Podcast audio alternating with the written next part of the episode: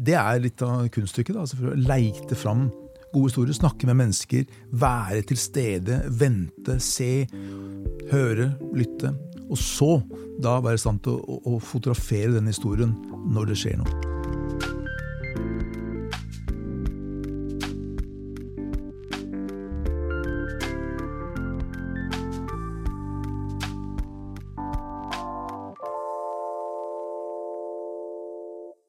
Kjære ørevenner, kjære lyttere. Velkommen til en ny episode av Fotopodden. I dag har vi en skal vi kalle han en gjenganger, en gjest vi har hatt før. Jonny Hagelund, velkommen til oss. Ja, Takk for det. Takk. Du var her i mai 2020, tror jeg. Det var da den morsomme pandemien starta? Ja, det er, er en evighet siden. Er det det?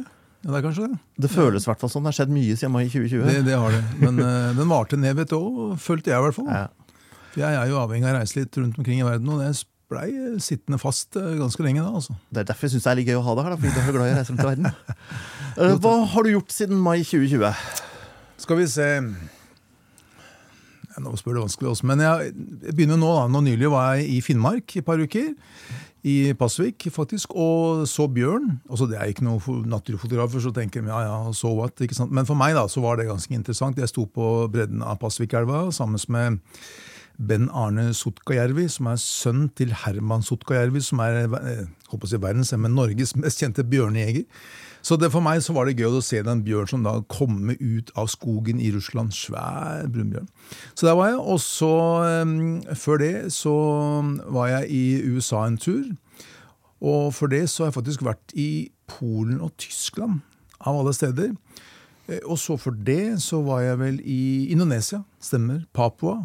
Og for der igjen så var jeg i eh, Himalaya og i India, i Tarørkenen.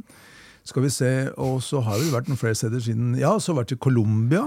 Beklager at jeg stilte spørsmålet feil. Hvor har du ikke vært siden pandemien? Å ja, nei, vet du hva, det er det som er, vet du, mer du reiser, større blir verden. Det er så enkelt som det. Så ja.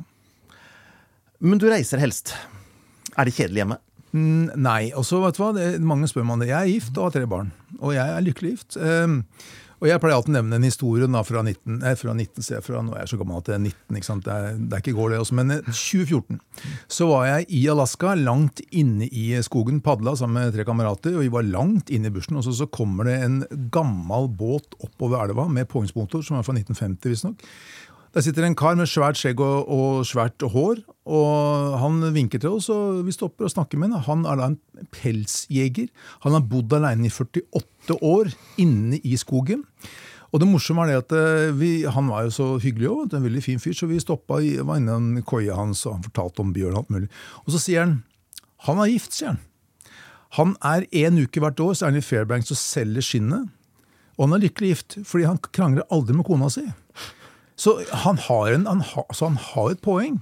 Når du ser han så sjelden, så, så, så Ja, for kona bor i Fairbanks. Hun bor i Fairbanks, ikke sant? Så for han bor aleine i skogen. selvfølgelig. Ellers hadde det bare vært eh, sant, en uke fra hverandre. Det hadde ikke gått. ikke sant? Nei, altså, Hun bor også i Fairbanks, og de er lykkelig gift. Og, og så tenker jeg litt på meg sjøl hvordan jeg lader batteriene i forhold til både barn og kone når jeg er ute og reiser.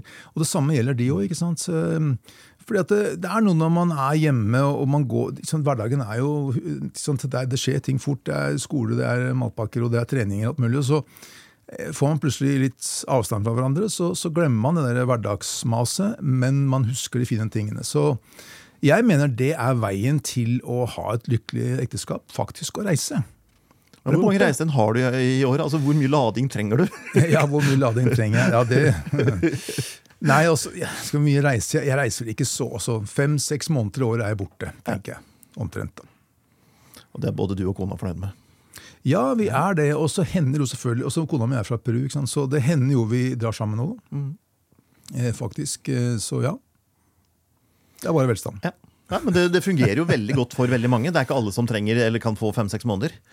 Nei, eh, nei da. Men eh, ja, altså, man må jo finne sin ting. Men i hvert fall for oss da, så fungerer det. Og så klart, eh, Da jeg møtte kona mi, så, så, så visste hun jo hva hun gikk til. ikke sant? Ikke sant? Hun, og jeg trodde hun var snekker ikke sant? og var hjemme i Norge hele tiden, men det er jeg ikke. Det, det skjønte hun. ikke sant? Så, Ja. så, så det var eh, Nei, det fungerer bra. Det er jo fantastisk. Men du reiser altså bokstavelig talt over hele verden. Du har jo ting som foregår i Oslo, du har Finnmark på bjørneting og i Alaska i kano, og det er sikkert i hundeslede et eller annet sted, og så er du på kamelkaravane gjennom et eller annet land. Um, du har ikke noe ønske om å spesialisere deg eller bli kjent et sted, eller som Ja, altså Jeg skjønner Ja, jeg forstår hva du tenker på sånn. Vet du hva, jeg, jeg er så eh, enkel at jeg jeg, jeg, er for, veldig fornøyd med det jeg driver med. Altså, jeg, jeg, har ikke behov Det er klart at jeg ser det hvis du blir eh, berømt. da, kan du si sånn. Men er ikke det å bli berømt som fotograf, den, er, den sjansen er liten. Bare se på avsporing, da, men Steve McCurry, som er kanskje den mest kjente av alle fotografer De aller fleste veit jo ikke hvem det er. De ser bildet av altså, en jenta fra ja, Det er det ene bildet. Det er det ene bildet, men ikke sant? Så, så, så, for meg så er det overhodet ikke noe behov. Eh, så lenge jeg klarer å leve av å, å, å ta bilder og fortelle mine historier, så er jeg egentlig veldig fornøyd, altså. Mm. Ja, det er, eh, men det er klart, eh, jeg er jo dokumentarfotograf, da, så jeg er veldig opptatt av det å fortelle historier på en korrekt måte. i forhold til jeg, jeg, bruker mye tid sammen med menneskene, sånn at jeg, jeg kommer litt under huden på dem.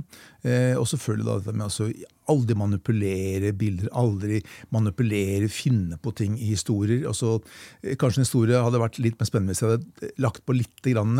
Men, men da blir det feil. Mm. Så, så, der har jeg vært veldig nøye. Og det, nå har jeg holdt på med dette her i 30 år. Så ja. Jeg tror det har gått uh, det er Klart jeg kan misforstå, det, det, det gjør alle sammen innimellom. Å skrive feil eller eh, sånt, uh, formidler en historie kanskje litt gæren fordi du misforstår eller får også feil informasjon. Men stort sett så tror jeg det at det jeg har fortalt, har vært korrekt. Mm. Det er viktig for meg. Mm. Veldig viktig. fotograferer du for å finansiere reisinga, eller reiser du for å få fotografert? Eller begge deler? Ja, altså jeg, jeg, jeg, får jo ikke betalt før jeg kommer hjem. Nei. Så jeg må jo på en måte, den reisa jeg skal på nå, den finansierer neste reise igjen. på en måte. Mm. Men, eh, men, nå er jeg så heldig at jeg på en måte har liksom fått et ikke et navn, sånn for så vidt, men at jeg på en måte har en ganske grei inntekt i forhold til hva jeg driver med. sånn at jeg, Det er, det er tryggere nå enn det var for, da jeg begynte for 30 år siden. for mm. å si det sånn. Det er det. Så, ja. Men det er vel vanskeligere enn for 30 år siden også? For det er vel mange flere om beinet, og det er mange flere som reiser, og det er mange flere som har mobiltelefoner og kan fange øyeblikket. Ja. Og det er hvordan, hvordan håndterer du det? Det er, det er, vanskelig på en måte nå. Men samtidig, så hvis du tenker om hvor mange bilder som er tatt hver dag, det er jo ikke sant, det er vanvittig mange. Men stort sett ser jeg noen flere veldig gode bilder enn du gjorde for 30 år siden. Nei, jeg gjør ikke det. Men Nei. jeg vet ikke om det er fordi det er færre gode bilder, eller fordi vi er mettere. Eller fordi ja, vi har sett alt før. Være, ja, det det er, jo for så vidt uh, godt poeng også. Men um, ja, klart at det, De som jobber med nyheter, har vel kanskje litt mer trøbbel. fordi at eh, de, Hvis det er en situasjon da, hvor det skjer noe, så er det folk har mobiltelefoner og så tar de bilde mens de er på stedet. Mm. Det tar litt tid før en fotograf kommer dit, og den fotografen vil sikkert ta bedre bilder, men da har jo det som har skjedd, eh, sant, gått over. da. Så da vil de bildene være mer aktuelle, selvfølgelig. Og da er det selvfølgelig også billigere for avisen eller hva det måtte være, å kjøpe bilder av en uh, amatør som tok bilder med en iPhone. Mm. Så det, det, vil nok være litt annet. Men jeg tenker sånn i forhold til liksom, de virkelig gode bildene og gode historiene de, ja, det, det, er ikke noe flere nå enn jeg synes for 30 år siden. Men som du sier, kanskje er det fordi vi har blitt mette av sett så mye. Men nå skal jeg fortsette å prate, prater mye her, men ok, jeg vil bare si at det, samtidig så ser jeg også at interessen for foto er større nå enn før. Fordi nå vet folk, nå har folk fått denne mobilen i hånda. Før så var det liksom Fotografer tok bilder, ikke sant? og de andre hadde kompaktkamera med noen film inni og tok noen bilder av familien. Men nå har jo alle tilgang til veldig bra kameraer i disse mobilene. Og da tror jeg også veldig mange oppdager hvor vanskelig det faktisk er å ta et veldig godt bilde. Og dermed så tror jeg også flere har interesse for foto nå enn for 30 år siden. Det, det er det nok. Uh, og det er jo Men ja, for, for, meg da så blir det en sånn Det blir en metning. Jeg ser så mange bilder. Ja. Og, og ja, et sånt til, ja. Og så kaster man ikke noe mer blikk på det. Før så var det litt mer sånn sitte og se på det, granske det nøyere. Mm man tar seg på en måte ikke tida til å granske det nøyere, fordi det er bare sveip, sveip, sveip. sveip. Ja, jo da, det, Den ser jeg også. Og så er det noen med eh, gode bilder, og så er det noen med god historie inni der, og så er det noen bra bilder. Ja. Men du må gjennom så utrolig mange før du kommer dit. Det meste er bare 'se hva jeg har gjort', 'se hva jeg har spist i dag'. Ja, og hvis du tenker sånn i sosiale medier, så er det jo veldig mye fjas. Det er ikke noe tvil om det. Og ser sånne bilder på Instagram som er veldig flotte med farge alt mulig, og så er det fake, eller det er, liksom, det er lagt på masse filter, og det ser jo ikke ut, syns jeg. da, Men de får mange likeklikk, da, av en eller annen merkelig grunn. Men, men så du sier at du må bla gjennom ganske mange før du finner, men ja. Det er, ja, det er litt vanskelig det der, også jeg innrømmer det. og jeg ser den, så... Men jeg har liksom, når jeg, De jeg ser på sosiale plattformer, det er fotografer som jeg har sett tidligere, som jeg har fulgt en stund, og så ser jeg at de leverer bra saker. Og så og følger dem, og så blir jeg inspirert da, av det. Det gjør jeg. Ja. Går du 30 år tilbake, så så vi jo bilder som var øh, plukket ut av en redaktør eller en kurator Ja, eller et ja. eller annet, så man Ja. fikk jo kremen. Man gjorde det, ikke sant? Og så hendte det at du hadde en slektning som kom hjem fra ferie og skulle vise alle feriebildene, og så sovna du gjennom det. Og særlig hvis de tok lysbilder. ja, ja. Og Jeg tok jo lysbilder på 90-tallet, og jeg har sikkert plaget noen i familien med det, men jeg konsentrerte meg jo mer om hvert bilde. For jeg visste at dette her skal noen måtte se gjennom etterpå. ja, ja. Eh, og jeg kunne jo også bare hive ut de som ikke var bra. Jeg tenkte ikke ramme inn de.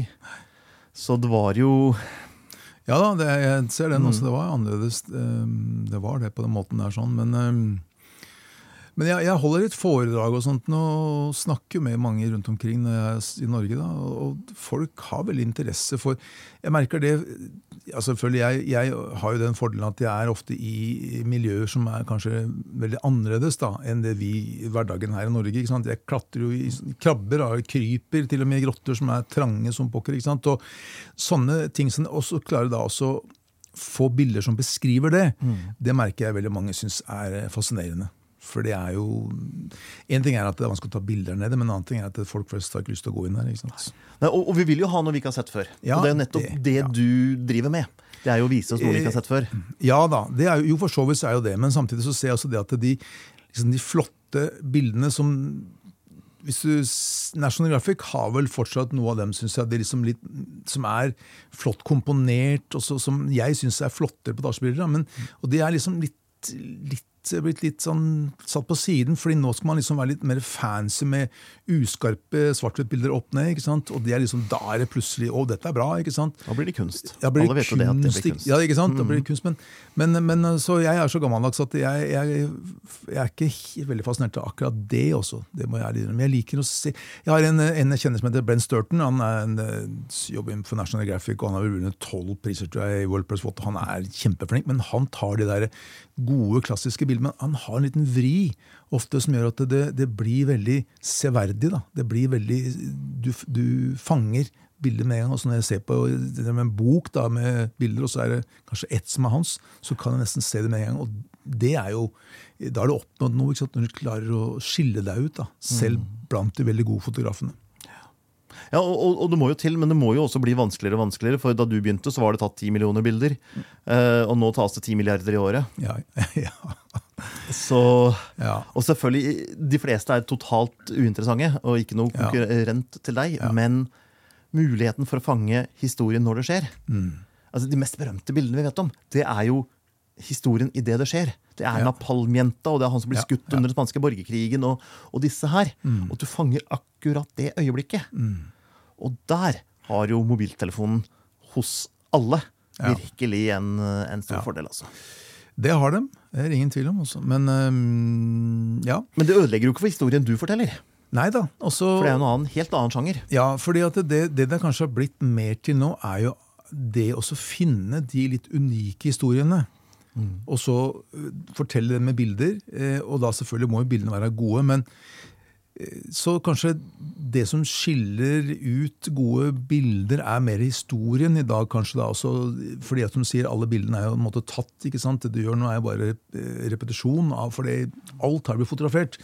Men hvis du klarer å finne en spennende historie, og det er, det er litt av kunststykket, da, for å leite fram gode historier, snakke med mennesker, være til stede, vente, se, høre, lytte. Og så da være i stand til å, å, å fotografere den historien når det skjer noe. Ja, jeg vet ikke om det gjør det forståelig, men det er sånn jeg tenker. Ja. Kan du fortelle litt hvordan du går fram når du skal fange det? Ja. Også, det, det som er viktig for meg, det er å bruke mye tid. altså det, det vet jo alle fotografer, at det er mer tid du bruker på et sted, så, så lettere er det. Så du kommer inn under huden på folk. Så jeg, jeg starter alltid, hvis det er et miljø, f.eks. La oss la meg si jeg er i Kongo, da. ikke sant? Så begynner jeg alltid, jeg går inn et sted, i et område hvor jeg er, så har jeg alltid kamera framme. Fordi det å møte meg, ikke sant, en eh, høy, hvit, eh, hårete mann, det er litt sjokkerende for mange. fordi at de ofte så reiser til steder som er litt sånn, kan si, for en lite besøkt av folk fra vår del av verden. Og da vil jeg ikke at de, Når de blir vant til meg, så skal jeg deretter dra frem et stort kamera. Så er det én ting til de må forholde seg til. Men kommer jeg med kamera, så er på en måte jeg og kamera ett. ikke sant? Det er liksom for, for, å få dem til å få, liksom bli komfortable da, med at det er en mann her med et svært kamera. Og så snakker jeg med dem. Og så er det viktig å, forstå, å la dem forstå at jeg er der fordi jeg er nysgjerrig på dem, og, og det er jeg òg. Jeg, jeg, er veldig nysgjerrig. Det er jeg av person. Jeg er veldig nysgjerrig på liksom, Og særlig hverdagen. Hvordan lever folk inne i regnskogen i Kongo? Hvordan er hverdagen deres? Liksom barn, mat, hva jobber de med? Når, de på, når de oppe om morgenen? Sånne ting er jeg oppriktig nysgjerrig på. Og når folk merker det at ok, her er det en som faktisk eh, er litt fascinert av vårt liv, fordi alle liker å snakke om seg sjøl. Du ser jo bare på åssen jeg prater nå. Så. Men så, og, og For å få folk til å forstå det, og når de gjør det, at du faktisk er ordentlig interessert i dem, så åpner folk seg veldig ofte og lar deg slippe til og forteller om de, ja, det ene og det andre. Og så, og så, er jeg med på å ta kameraet mitt og så følger jeg etter dem. Bruker tid, tar litt bilder her og der. og eh, og når jeg holder foredrag, så sier folk 'Å, du er så heldig, du har vært på de fine stedene'. Fordi at det, de ser de bildene som jeg har tatt, og det er bare, det er bare noen få øyeblikk jeg tar bilder. Mm. For mesteparten av tiden min går jo med til å prate, reise, gå og så ikke sant? Vente på lyset, vente, vente på situasjonen. Ja, ikke sant? Så, så, for all del, jeg elsker det, og jeg, da, men, men, også, men jeg tror det er, det er kanskje mitt triks, da, egentlig, også bruke tid. Mm. Eh, og så er jeg nøye på det at eh, jeg prøver ikke å betale folk eh, for å ta bilder av dem. Men ikke sant, samtidig så kommer jeg inn, og jeg skal jo tjene penger på de bildene jeg tar av dem, så det er liksom litt feil å si at du ikke skal betale, eller være sånn prinsipiell på at du ikke skal gi dem penger. Men det jeg alltid gjør, jeg har med gaver. Mat, eh, klær Kommer an på hvor jeg er, selvfølgelig. Og det blir liksom ofte tatt godt imot. Og det hender jeg har kommet inn steder, og så gruarbeid eller hva det måtte være, og så, og så har jeg med mat, og sånt, og så gir jeg som gave, og så får jeg likevel nei. Jeg vil ikke at du kommer til å bilde av oss. Da må jeg bare akseptere det. Det er surt, men sånn, sånn er det innimellom. ikke sant? Og, ja. Mm. Så sånn er det jeg faktisk da går fram, og så prøver jeg å tar jeg masse bilder. Det er altså selvfølgelig sånn som verden er nå, med digitalt kamera. Liksom Du, skal, du, sa du fotograferte med Dias, du òg. Da var det 100 og 400 ISO, eller ASA som vi kalte det en gang. Så det er vel det samme mm. betegnelsen. Men, og nå er det 20 000 ISO, så får du likevel gode bilder. Så det er en annen verden. Og med kunstig intelligens kan du fjerne så mye støy at du ser ja, ja, ikke, ikke, nevn, ikke nevn kunstig intelligens, takk. Jeg vil helst ikke ha noe å snakke om. Merker du mange som reagerer kanskje negativt fordi du har med kamera? Tenker du av og til at men hadde jeg bare skjult det litt og latt dem bli kjent med meg først, så hadde dette vært lettere? Um, nei. Det, altså kan, eh, det, hender at folk reagerer negativt på kamera fordi de har en negativ opplevelse med kamera. Men jeg merker det at eh, hvis du f.eks. kommer til sted og så har med Mickey Mouse-kamera og står litt, gjemmer litt bak står litt på husveggen og tar bilder, så indikerer du at du snikfotograferer, at du gjør noe som er ulovlig. Mm. Står midt i gata med et svært kamera, så er det ingen som spør meg om jeg er baker eller rørlegger, for de ser at han der han er fotograf. Mm. Og Jeg tror det er lettere faktisk da også heller bruke litt tid på, på å introdusere deg og kamera enn å drive og gjemme dette. her. Men så, samtidig så er det også lettere ofte med, med da, tilgivelse enn tillatelse. Så det hender at det er situasjoner hvor jeg, jeg, ser en situasjon som er så bra, og så tar jeg bildet, og så må jeg bare høre meg til etterpå. Mm. Jeg, og det, stort sett så har det gått greit også. Ja. Jeg har jo erfart at jeg har uh, skremt bort folk bare ved å ta opp kamera, fordi jeg er så på lite glad i kamera at selv om jeg ikke har nærmet meg dem, så ser de kamera, og så trekker de seg unna. Jeg ødela en veldig fin piknik på en strand i Malaysia for mange år siden. Ja. Der satt hele familien, og så når de så kameraet mitt, så bare reiste de seg opp og gikk. Oi. jeg hadde egentlig ikke tenkt å ta bilde av dem engang, men de bare forsvant. Ja. Og jeg har også merket I en del diktaturer så er folk litt skeptiske. Ja. Er du liksom noen myndigheter, er dette, er, Presse vil jeg mm. ikke ha noe med å gjøre, for da kan jeg få mm. myndighetene på nakken, eller myndighetene kan overvåke mm. meg, og sånn, og da er det vanskeligere. Har Ja. du den erfaringa? Ja, det har jeg. Det, og særlig hvis de tror det er politi eller militære eller noe sånt. Nå. Men jeg har jo, jeg bruker nesten alltid en tolk eller en kjentmann eller en, en, en dame. Da. Det kommer an på hvor jeg er henne. Fordi at eh, da er det lettere å, å, for dem på- for å, å forstå, for de snakker språket, de, kom, de kjenner igjen ikke sant, og ansikt og sånt, og så, så forklarer den personen hvorfor er Jonny Haglund her sånn. Og da er det lett, mye lettere for meg da å komme inn under folk, og særlig som du sier, da, sånne steder hvor det er ja, mye politi og diktaturer, og så, så er de veldig skeptiske. Men når jeg forklarer at jeg faktisk så er jeg litt imot diktatur, jeg. Å ja, ikke sant. Også, det å diskutere politikk prøver jeg alltid å unngå, men det er greit å ja, være klar på sånne ting. Da. Og da pleier folk å åpne seg. Altså. Mm. Med visse unntak, selvfølgelig. Men ofte er det veldig vanskelig hvis du begynner med noe som ligner på politikk. så er det Ja, det er, det er farlig også. Du, du, det, jeg bare styrer unna alt det der. Jeg som jeg ikke skjønner, la- som jeg er litt tjukk i huet at jeg ikke skjønner. Å, er det han som styrer landet her? ikke sant? Å ja, det visste ikke jeg. Så det er det er det aller beste. Jeg var en gang øh, det var, også, det var et annet land hvor de Vi var litt sånn ute i periferien, langt ut vekk fra ting, og så spurte jeg hvordan de følte liksom samhørighet til hovedstaden og til resten av landet. Og det eneste jeg fikk tilbake, var. Altså, nå holder jeg på armene i kryss som om man blir arrestert. Ja, ja, ja. Og det Ja. type bare ikke snakk politikk, for da havner vi i trøbbel. Ja. Så det er ikke måten å bryte is på. Nei, det er ikke det. det, er ikke det hele tatt. Du, bør ikke lenger til USA for å se det. ikke sant? Unntatt på Cuba.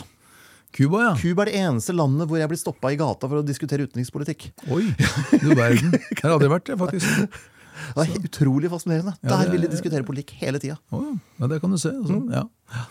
Ja, ja, men det er greit å vite. Men mest utenrikspolitikk. Ikke så mye Ikke innenrikspolitikk. innenriks, nei. Nei. Skjønner, skjønner. skjønner. Men, øh, men det var veldig fascinerende. Mm. Hvor lang tid bruker du da når du drar inn i bushen i Kongo og skal fotografere en familie eller en setting? Hvor, langt, hvor lenge er du der? Hvor lang tid bruker du på en sånn greie? Ja, det kom altså Kongo, så er jeg som regel borte kanskje en fire-seks uker. Eh, Det kommer an på hvor jeg skal. Sist var i Kongo, så var jeg en gullgrue helt i øst, da, som tidligere var kontrollert av militsen. Som jeg, fikk, eh, jeg har en kontakt da, i, i Kongo. Eh, og så fikk jeg høre gjennom han at nå har den militsen forlatt området, så nå er det mulig å dra ned og fotografere. Fordi at Jeg leste meg litt opp og snakka med folk kontakter her, at noe av det der gullet da, i denne her grua, eller dagbrudd, kan heller mer korrekt, da, havna visstnok i Skandinavia.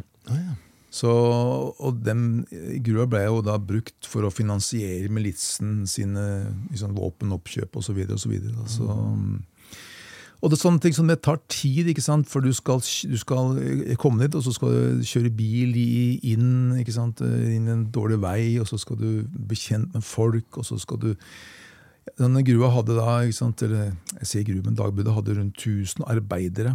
Og bare komme dit som en hvit mann. Vi snakker om mennesker som er desperate. De tjener kanskje de som tjener mest, tjener kanskje en dollar eller to om dagen. Det er lutfattige mennesker. Og jeg er jo som en gullgrue selvfølgelig for dem, hvis de får tak i mitt kamerastyr. Altså, Så det tar mye tid å la folk forstå hvorfor jeg er der, og, og la dem venne seg til meg. Så, så ja, derfor så Mens andre ganger så kan jeg bruke bare et par uker på en tur. Eh, I Polen og Tyskland, eh, som er li ganske likt eh, oss, da, så var jeg en måned. Men der også så, så var, tok det litt tid. Enkelt. Jeg lagde en reportasje om hvordan folk i Warszawa faktisk trener med automatvåpen for, for å forberede seg på en eventuell invasjon av Mr. Putin himself. ja.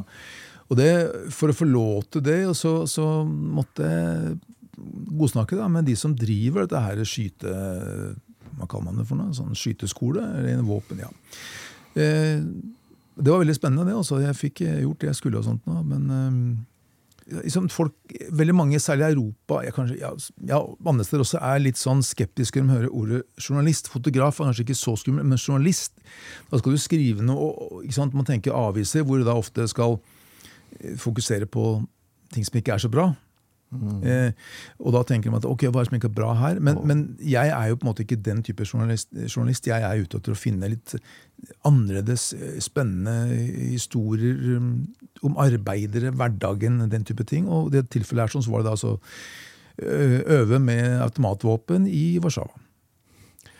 Men du trenger vel en del research på forhånd også, og ha kontakter, Mm. folk som kan hjelpe deg, kjentfolk. Ja, også noen ganger så, vet du hva, det, det å ha masse research på forhånd er veldig bra, selvfølgelig, og særlig når du skal til Tsjad, Kongo eksempel, som kan være litt farlig, så er det greit å være, liksom, ha gjort jobben sin på forhånd. Men noen ganger så, så er det også litt greit å dra til steder hvor du ikke veit noe. For det er det første inntrykket du får da for ofte Når du leser om, leser om et sted, så, så danner du deg et bilde. ikke sant? Hvis ikke vært der før, danner du deg et bilde om hvordan det er der. og så merker jeg at noen ganger så kanskje fotograferer jeg litt etter det bildet jeg eh, hvordan jeg forestilte meg at det her er det. Mens hvis du kommer uten å ha noe som helst eh, anelse om hva som venter deg, så fotograferer du ut fra hva du syns er bra når du kommer dit. Jeg vet ikke om det gir mening, men i hvert fall så Men eh, ja. eh, Nei, De gjør jo det. Nå har jeg Ja. gjennom hjemmesida di og ja. var innom den Kirgisistan-serien. For nå skal jeg Ja. til Kirgisistan på tirsdag. Og du skal, skal du det? Ja. Så nå vet jeg at jeg er fullt av ryttere, geiteslaktere og flotte, høye fjell. Og ikke noe annet. det er alt. Og så lurer jeg på om det er noen vits i at jeg tar noen bilder, for du har allerede vært der. Ja, Det er masse, masse, masse spennende der også. Det er veldig mye spennende. det, ja, Men eh, det blir, det blir jo stas. Jeg, jeg har vært der et par ganger, og jeg har alltid lyst til å dra tilbake. For det er jo sånn det er når Sånn som jeg eh, jeg reiser mye, men jeg elsker å komme tilbake til de samme stedene. Jeg har vært i India 27 ganger, for eksempel. Så At jeg ikke snakker hindu, det er jo Hindi heter det vel. Hindi. Det er veldig merkelig. Men, eh, ja. men i hvert fall også, så det er veldig artig å tilbake til de samme stedene. For å få en dypere forståelse av stedet, eller reiser du til et annet sted i samme land, eller gjør noe annet i samme land, eller hvordan Ja, begge deler. Det som er, Når man reiser tilbake til et land, så har man allerede liksom lært seg litt hvordan folk reagerer overfor en fotograf. Hvordan de reagerer når jeg kommer med mine spørsmål. og sånt. der. er, det er, du, du kommer raskere litt også under huden på folk, da, føler jeg. Og så er jo sånn som India, Indonesia, Russland, eh, Bolivia det, det er så mye spennende. Vet du. Det er så mye å ta tak i. Det er, det er, eh, og, ja, India er som en kontinent, ikke sant? Ja, ja, ja. Og India er så forskjellig Det er det. at uh, Ja. du kan ikke si at jeg har vært i India hvis du har vært et sted i India. Nei. For det er uh, Det er, du kan reise i India et helt liv uten å ha sett alt. Ja. Så det er, det er landet jeg alltid drømmer meg tilbake til. Nei, for det er jo Jeg er jo litt sånn halv eh, samler av land, men mm. det er litt sånn, noen er jo bare krysset av. Oh, ja, okay. Og noen har jeg jo Ja. ordentlig vært i, og Ja. ordentlig opplevd. Men, eh, men det blir jo Noen land har jeg jo ikke I Kongo så har jeg vært eh, Den krysser jeg ikke av på lista, men der har jeg vært to meter inn i landet i to minutter. Oh, ja. Ja. Vi kom til grensa og kunne ikke gå inn, for der var det for farlig. Goma, eller var du fra Nei, det var, det var jo, vi var jo på gorillajakt, oh, ja, og så hadde de kryssa fra Uganda. Fra Mgahinga, og så hadde de kryssa gått over grensa til Kongo. Over til Virunga, da. Ja. Nasjonalpark. Og da sto vi på grensa, og de forrige som hadde gått over der, de hadde ikke kommet tilbake igjen. Så det syns ikke guiden var noe god idé. Nei, altså, ja, da, Kongo, det, det, er, er det er, Men dette er mange år siden, altså. Ja, ja, ikke sant. Ja, Kongo er jo, er jo ganske farlig, det er det. Eh, Men eh, jeg, jeg lurer på om jeg tror at Kongo kanskje er verdens mest spennende land. Mm. Jeg har veldig lyst til å dra ordentlig til Kongo. Jeg jobber med å få familien til å ville være med. Oh, ja. ja. Men eh, det, det, altså det er så mye det er så mye ikke, vi, som ikke når oss. da.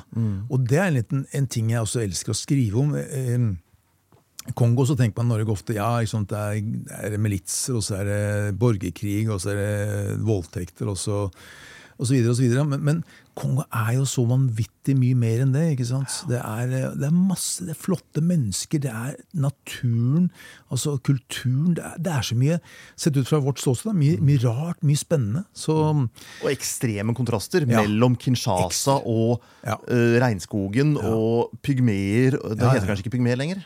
Jeg vet ikke om jeg får lov å si det, Nei. altså, men eh, det, det, jeg har vært oppi, de, eh, oppi eh, mot, grensen mot Uganda der og, og møtt disse her um, Bantu, er det, mm, mener jeg de heter. Men er, ja, jeg er eh, små mennesker. Men ja, ikke sant? Det er, det er så mye Mm. fascinerende. Veldig, veldig fascinerende. Ja.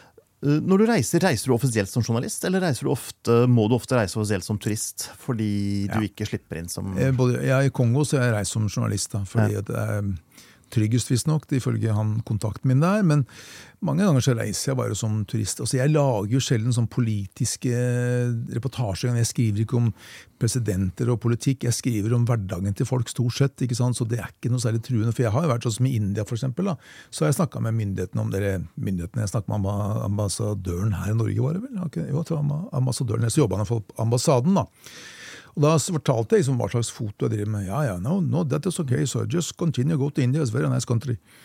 Så, så, og det, for det er, noe, det er ikke noe farlig journalistikk jeg driver med da. Men det er jo en del land som ikke er så veldig glad i journalister. Er Altså, hvis du skal inn i USA eller Turkmenistan eller Nord-Korea, Ja, ja. Da, så, så er det ikke bare bare. Nei, nei det, Så- og Kina også er litt en, Ja. så, det er, så der er jeg turist, da. Turistvisum. Ja, nettopp. Så mm, ja.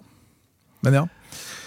Så reiser du ut, og så fotograferer du folk i ja, som har omtrent ingenting. Si gruvearbeiderne, Ja, eh, eh, disse gullgraverne. ja for eksempel. Ja. Um, og så kommer du hjem til Norge.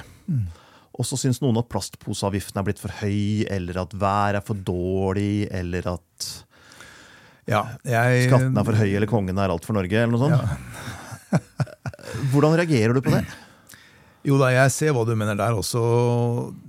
Vi, jo, vi har det jo utrolig godt i Norge. Altså, jeg har jo sagt det før på noen foredrag også. eh, Og så hadde det vært obligatorisk at den norske 16-åringen tok en uke i slummen i, i Kolkata i India. Så hadde vi hatt et I hvert fall de første ti åra etter det, så hadde, vi, så hadde folk hatt et bedre liv. For du hadde forstått hvor vanvittig godt du har det her hjemme i Norge. Så tryggheten og altså, bare den vissheten om at eh, barna dine de, de har en ganske trygg eh, fremtid. Med tanke på skole, mat, jobb, tak over hodet.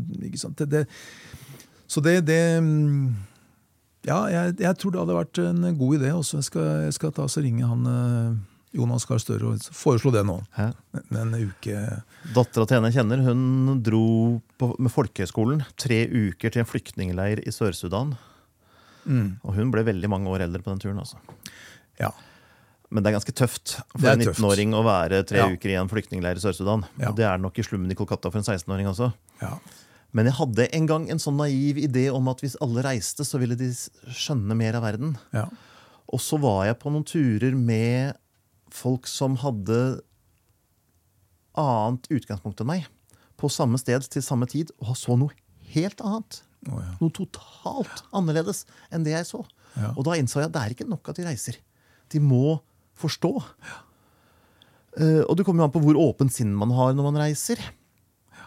Uh, jeg husker jeg var i Sør-Afrika i en, uh, i en sånn farget township uh, utafor Cape Town. Og der var det satt i gang mye sånn nabolagsprosjekter for å få ned kriminalitetsraten og for å få opp en sånn positiv stemning og få folk, skape et samhold. Og jeg så jo sammenlignet med hvordan det kunne være. Øh, En sånn fattig elendighet. ja. Så så jeg alt det positive de satte i gang. Mens noen av de andre så bare gitrene foran vinduene på biblioteket og skytemerker i bygninger og all elendighet. da. Ja. Og vi var på akkurat samme sted til akkurat samme tid. Ja, jeg ser den også. Det er klart at ja, vi Og så var det sånn Huff, så forferdelig var det! Godt vi kom oss vekk. Ja. Og jeg tenkte på, oi, så fantastisk at de setter i gang dette her. ja. Så, så det, er, det er veldig vanskelig å bare sende folk ut i verden og, og si forstå verden. Ja, ja det er jo det. Det er, det er vanskelig. Det er sant, det du sier der. Men uh, Men der er jo den jobben du gjør, veldig eh, viktig. eh, jo da, jo da jeg, ja, jeg, jeg håper altså det er jo, Jeg ønsker jo det, da. At, eh, å, å formidle historier som gjør at folk her hjemme tenker å ja, det, det var interessant også dette. Ja, ok, men se her, da. Du verden, vi er, vi er heldige som bor på berget her oppe. Jeg, håper jo at det, altså det er jo ja, et ønske jeg har, selvfølgelig. Eh, Det er ikke alltid like lett, det. Det, det er jeg klar over. oss, men eh, jeg prøver. Mm. Det gjør jeg. I forrige podkastepisode du var med i, så snakket du en del om komfortsonen. Ja, ja, ja. ja. Å sende en 16-åring til, Kol til Kolkata er jo slummen i Kolkata er jo langt utafor komfortsonen. Mens dine bilder kan jo kanskje la folk få forstå noe Ja. uten å bevege seg utafor komfortsonen. ja da. Det Men du sikkert- vil ha folk utafor komfortsonen likevel? Snakk litt Ja, om altså, det. Det vet du hva? Jeg eh, er også La meg si det sånn. da. Hvis du, jeg er veldig glad i marsipan, da, for eksempel. Bare for å ta en helt Mm. Marsipan og Coca-Cola liksom, det, er, det er lørdagskvelden for meg. Men spiser jeg marsipan hver eneste dag hele uka og drikker cola hver dag hele uka, hva skal jeg spise på lørdagskvelden da? Det er jo liksom, det, det mener jeg at det, Hvis du hele tiden lever innenfor denne komfortsonen Du, aldri, du fryser aldri, du er aldri sulten. Bortsett fra kanskje hvis du Eller tørst, da, hvis du trener, kanskje. da, Men, men da, liksom, da kan du stoppe når du vil. ikke sant?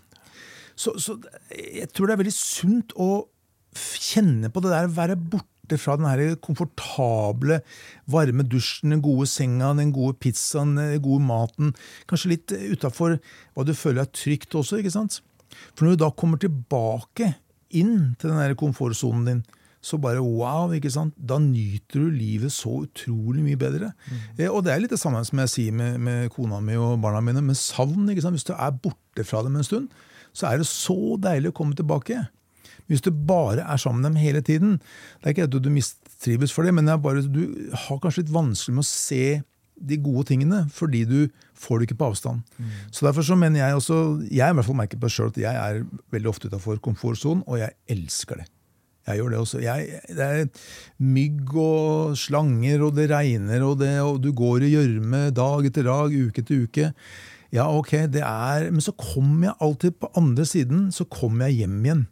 Og når jeg da kommer tilbake og setter meg ned i sofaen og ser på en god film og drikker en kald cola og spiser marsipanen min, så er livet helt fenomenalt, ikke sant? Så ja, det, det Eh, Det, er et par, er par elementer til der også som, som jeg synes det er viktig å belyse. Og Det ene er jo at du lærer noe når du er utenfor komfortsonen din. Du lærer noe om deg selv, og du lærer antagelig noe om noen andre. Ja. Og det andre er jo at hvis du er ekte glad i å reise, ikke glad i å finne et enda finere hotell på Kreta, men faktisk glad i å reise, så er det jo en del av opplevelsen. ja. Altså, når jeg er på tur, og noe skjærer seg, så er det ikke sånn 'Å, faen, der gikk dette i dass'. Det er mer sånn Ja, ja, da har jeg opplevd det også. Ja. Og så må du snu på det, må du finne en løsning på det. ikke Ja. sant? Så det er jo sånne ting som Du er plutselig i en situasjon som du ikke hadde planlagt. Og da må du finne en løsning på det. Og det, det vokser du på. Du vokser på det. Ja. Så... Men du trenger jo ikke reise for å bevege deg ut av komfortsonen. Nei, nei, nei, Jeg har jo ikke. gjester i studio her som jeg har vært livredd for å intervjue. Ja, du har det? Ja, det er jo, altså Hvis de er sånn hotshots Ja, ja, ja, riktig. og har vært riktig. i denne bransjen siden jeg ble født, Ja, ja, ja. og har gjort alt og kan alt, Ja, og så kommer jeg. ja, Ikke sant? ja. Så det skal ikke mer til enn det. Så lærer jeg litt om meg sjøl, og så lærer jeg masse om dem. Og så. Er, jeg ikke, så er jeg mindre ukomfortabel neste gang. ja. Ja men det er sant. Det er utafor komfortsonen da også, på en litt annen måte. Og litt kortere tid, kanskje, men likevel. eh, Ikke gærent, det heller. Nei, så det går jeg ut herfra, så er jeg kjempefornøyd. Ja, ikke sant? For det gikk jo bra likevel. Ja, ikke sant? Så det skal ikke mer til enn det, egentlig. Det skal ikke mer til enn det. Og det er jo sånn som For dere andre som liker litt fysiske eh, utfordringer, så er jo Båndsteingrotta ligger jo på Vettakollen i Oslo. Det er bare å krabbe inn der. Er verdens trangeste grotte. Du kommer inn der, og Du kommer inn der, jeg kommer ikke inn der. eh, vet du hva? Jeg skal innrømme at det, Nå skal jeg innrømme noe som jeg ikke Ja, jeg har vel sagt det før, men i hvert fall, jeg, eh, De to siste gangene kom jeg ikke gjennom. Akkurat. Jeg måtte snu. Jeg måtte faktisk, jeg klarte, jeg var, først var jeg sammen med Alexander Gamme. Alexander, han var jo sammen på Ny-Guinea, så vi var der først. Da. Og da klarte jeg altså ikke Jeg har vært der mange ganger tidligere, men jeg klarte ikke å komme innom. Altså, det er ikke derfor at jeg blir så forbanna tjukk, men det er fordi at eh, det stoppa seg. Jeg hadde bare liksom ikke lyst altså, det må sies at det, det er ekstremt trangt også. Altså, du sitter fast uansett hvor slank du er. så sitter du på et tidspunkt fast. Da må du lirke deg løs. Du må, altså, du må gå inn du må liksom inn med en spesiell måte for å komme inn der. Og så må du bare puste tungt, og så slippe lufta, og så må du bare slippe deg gjennom. ikke sant? Så, så det, er, eh, det er en utfordring. Men jeg bare da fiksa jeg det ikke, og så kom jeg tilbake med en, eh, en kompis av meg i Kripos, og da klarte jeg pokker meg ikke å komme gjennom da heller.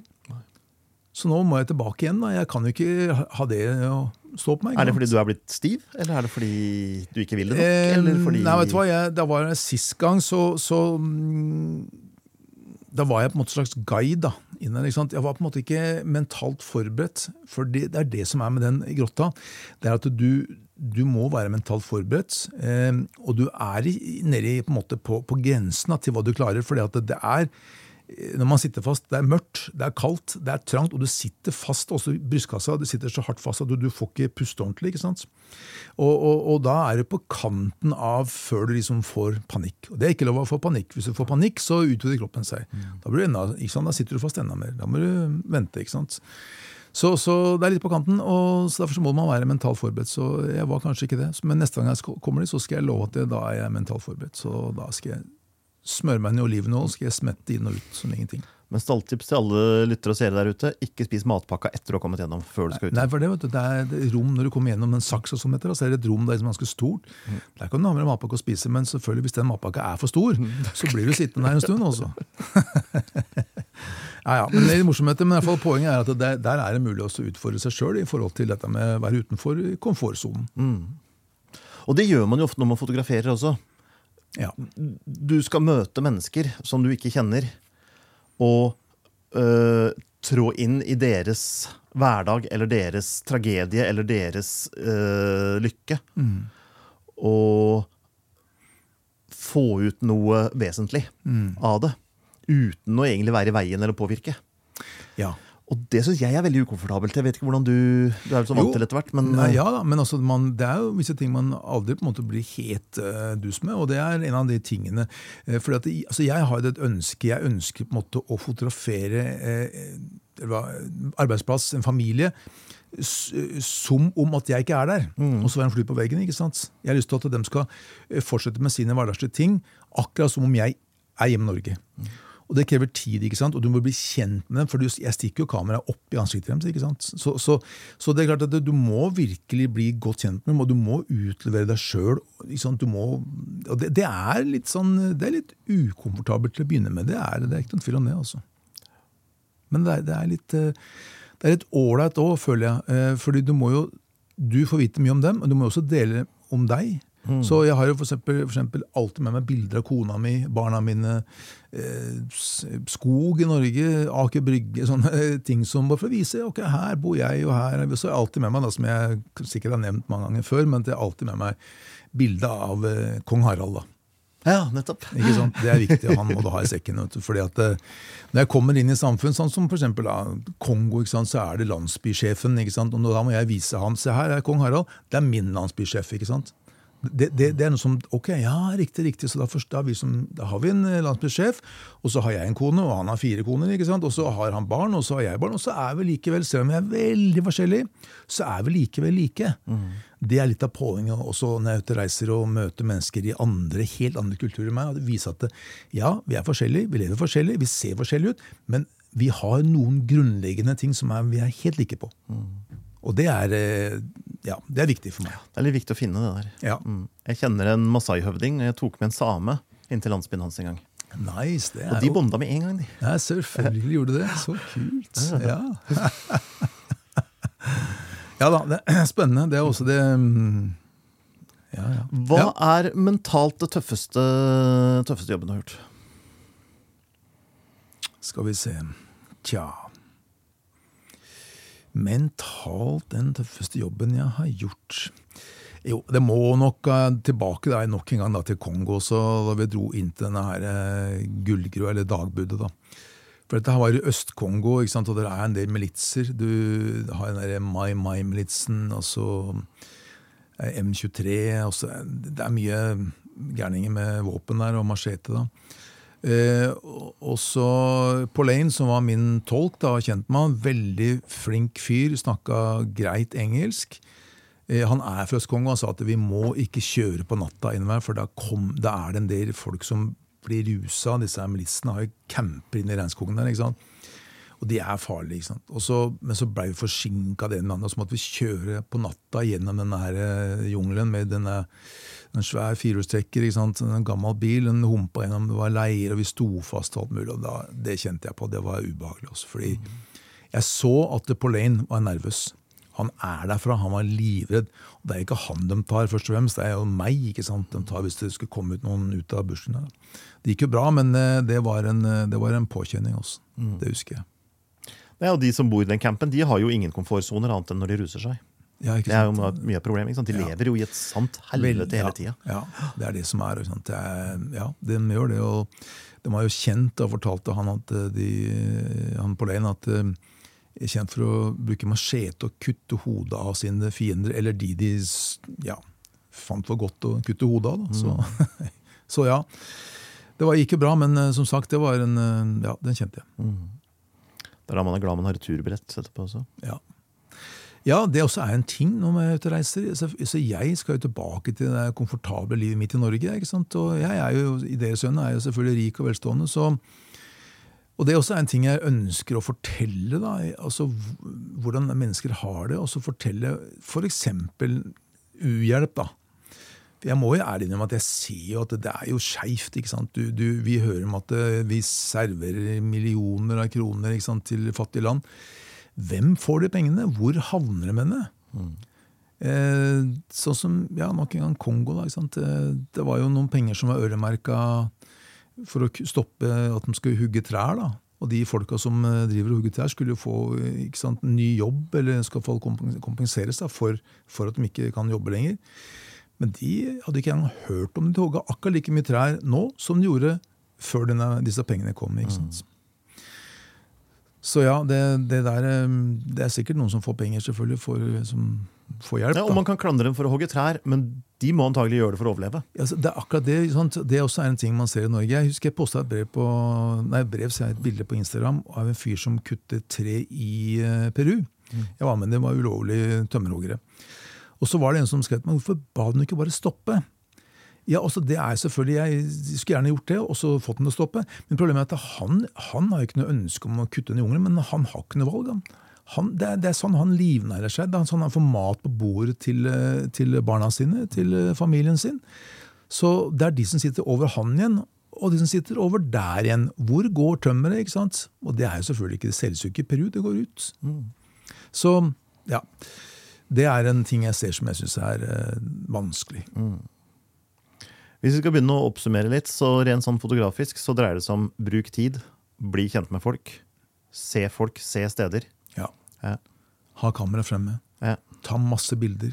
Fotografer. Ikke la dem, når du plutselig begynner å ta bilder, hva du driver med? Det, ikke la dem få den. tenker jeg, da. Utforsk, finn noe nytt, og ja. beveg deg utenfor komfortsonen. Ja. ja.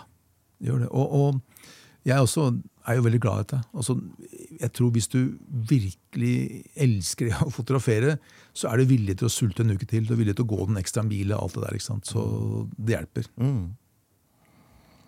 Gå aleine hjelper vel? Går du sammen med andre, så blir det sånn, og da må jeg ta hensyn til deg, og så er du sliten, og så må du spise, ja. og så må jeg på do, og så skal Jo, jo, det, det, er sant, det også. Det, når jeg er på reise ute i bushen eller ute eller, ja, hvor jeg er, så Det å være fotograf er jo liksom sånn, en litt enslig jobb sånn sett, da. Mm. Det er det. Men um, ja. Har du vurdert å, å, å treffe militsen i Kongo? Noen av disse gærningene du var redd for den natta? Ja, jeg har forsøkt gjennom min kontakt der. Eh, han sier at problemet er det at ja da, de sier ja, det koster deg så mye penger, for de skal ha penger for det. ikke sant? Mm. Eh, og det er for så vidt greit nok. Jeg, ikke greit, jeg er ikke full av penger, jeg, men, også, right. men problemet som han sier er at du veit ikke konsekvenser. Altså, du kan komme inn der, og så mm. kan det gå bra. Mm.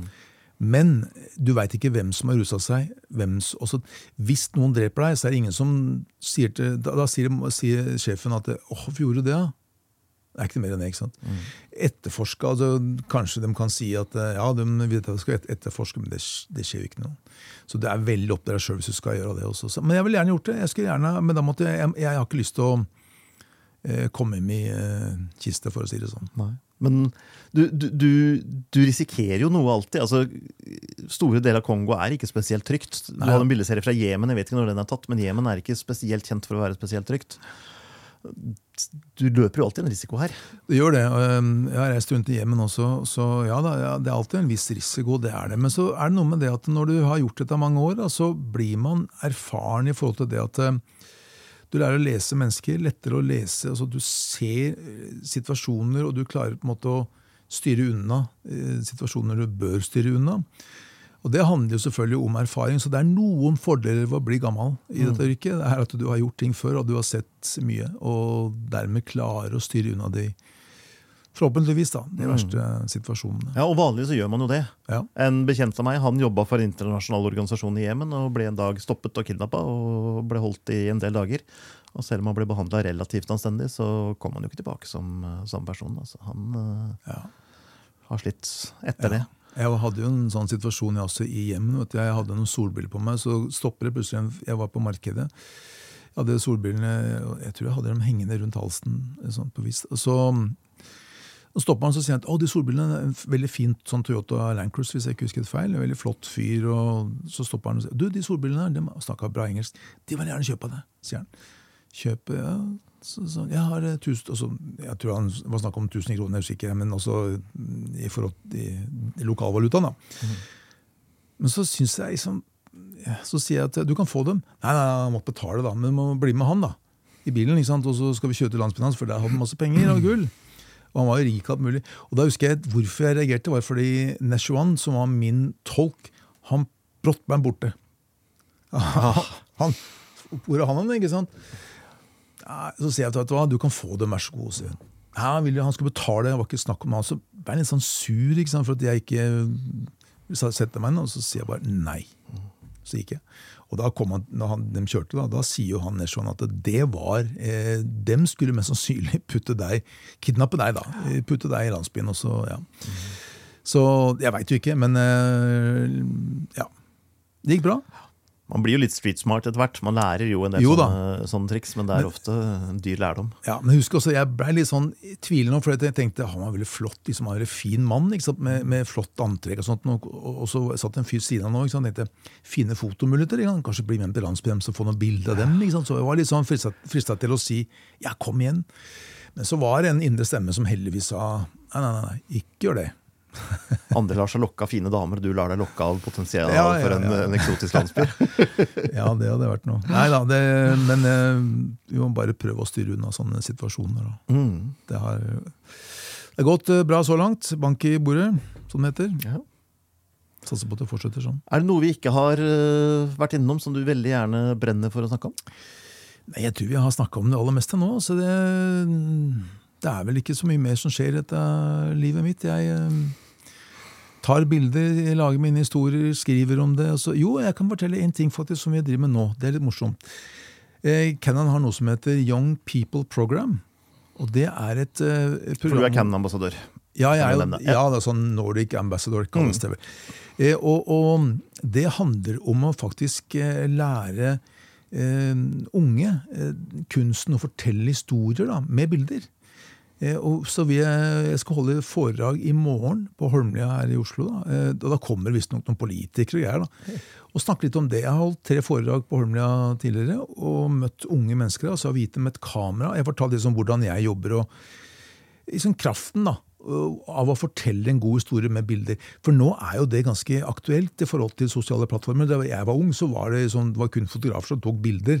Vi tok, Jeg hadde kompaktkamera og tok noen uh, familiebilder, det var det, ikke sant? men nå er jo alle fotografer. Men eh, derfor så mener jeg at det mange unge er, er tjent med å lære seg det, og så kanskje ta bilder på en litt, litt bedre bilder. da, For da vil bildene som vi snakka om i stad, også kanskje lettere når du scroller på Instagram, for eksempel, da, og så stopper ved det bildet der, for det var, det var ganske bra. Eh, og så, så vi har liksom snakka om det, og det er veldig gøy.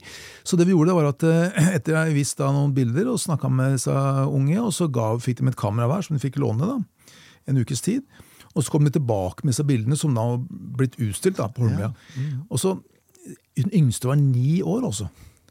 Og så kom det tilbake, og så tenkte jeg liksom, vi, vi prøver å linke deg mot FNs eh, 17 bærekraftsmål òg, da. Det er mange ting. ikke sant? Du skal være fotograf, du får et nytt kamera i hånda, og så skal du tenke på FNs bærekraftsmål. Det er mye på en gang. Så vi, så vi tenkte egentlig at eh, håper vi får noen bilder vi kan stille ut. da. Og så kommer så ungene tilbake med de bildene. Altså, Ikke bare det at de har, de har hørt på meg. som de, det, var litt sånn tull i salen og litt sånn fleiping, som, som selvfølgelig barn og ungdommer gjør. ikke sant? Så jeg tenkte, ja, Den fikk kanskje med seg noe. Den fikk med seg veldig mye, for de har faktisk tenkt tatt de bildene. Så det var, eh, det synes jeg var, det var, det var veldig, veldig moro. Så gøy. Ja, det var kjempe, kjempegøy. Vi hadde tilsvarende i um, fjor. hadde vi med F21, en sånn videregående skole. Og det også var bare Det er, det er veldig moro å, å fortelle unge mennesker om det. Altså, jeg husker spesielt, Jeg viste bilder fra mine jobber, og så var det snakk om ja, snart friminutt, sier læreren. Så sier en lærer, kan vi ikke heller, kan vi ikke heller droppe det og så se videre på bildene til Haglund? da? Liksom tenkte jeg, sitter det er, jo, det er jo en seier, altså. ja, da, da kjente jeg at eh, da varma Da gikk hjertet mitt litt fortere, og så varma det varma godt, husker jeg. Så ja, ok. Men uh, det er mye Ja, snakking og så skulle du starte en ny podkast.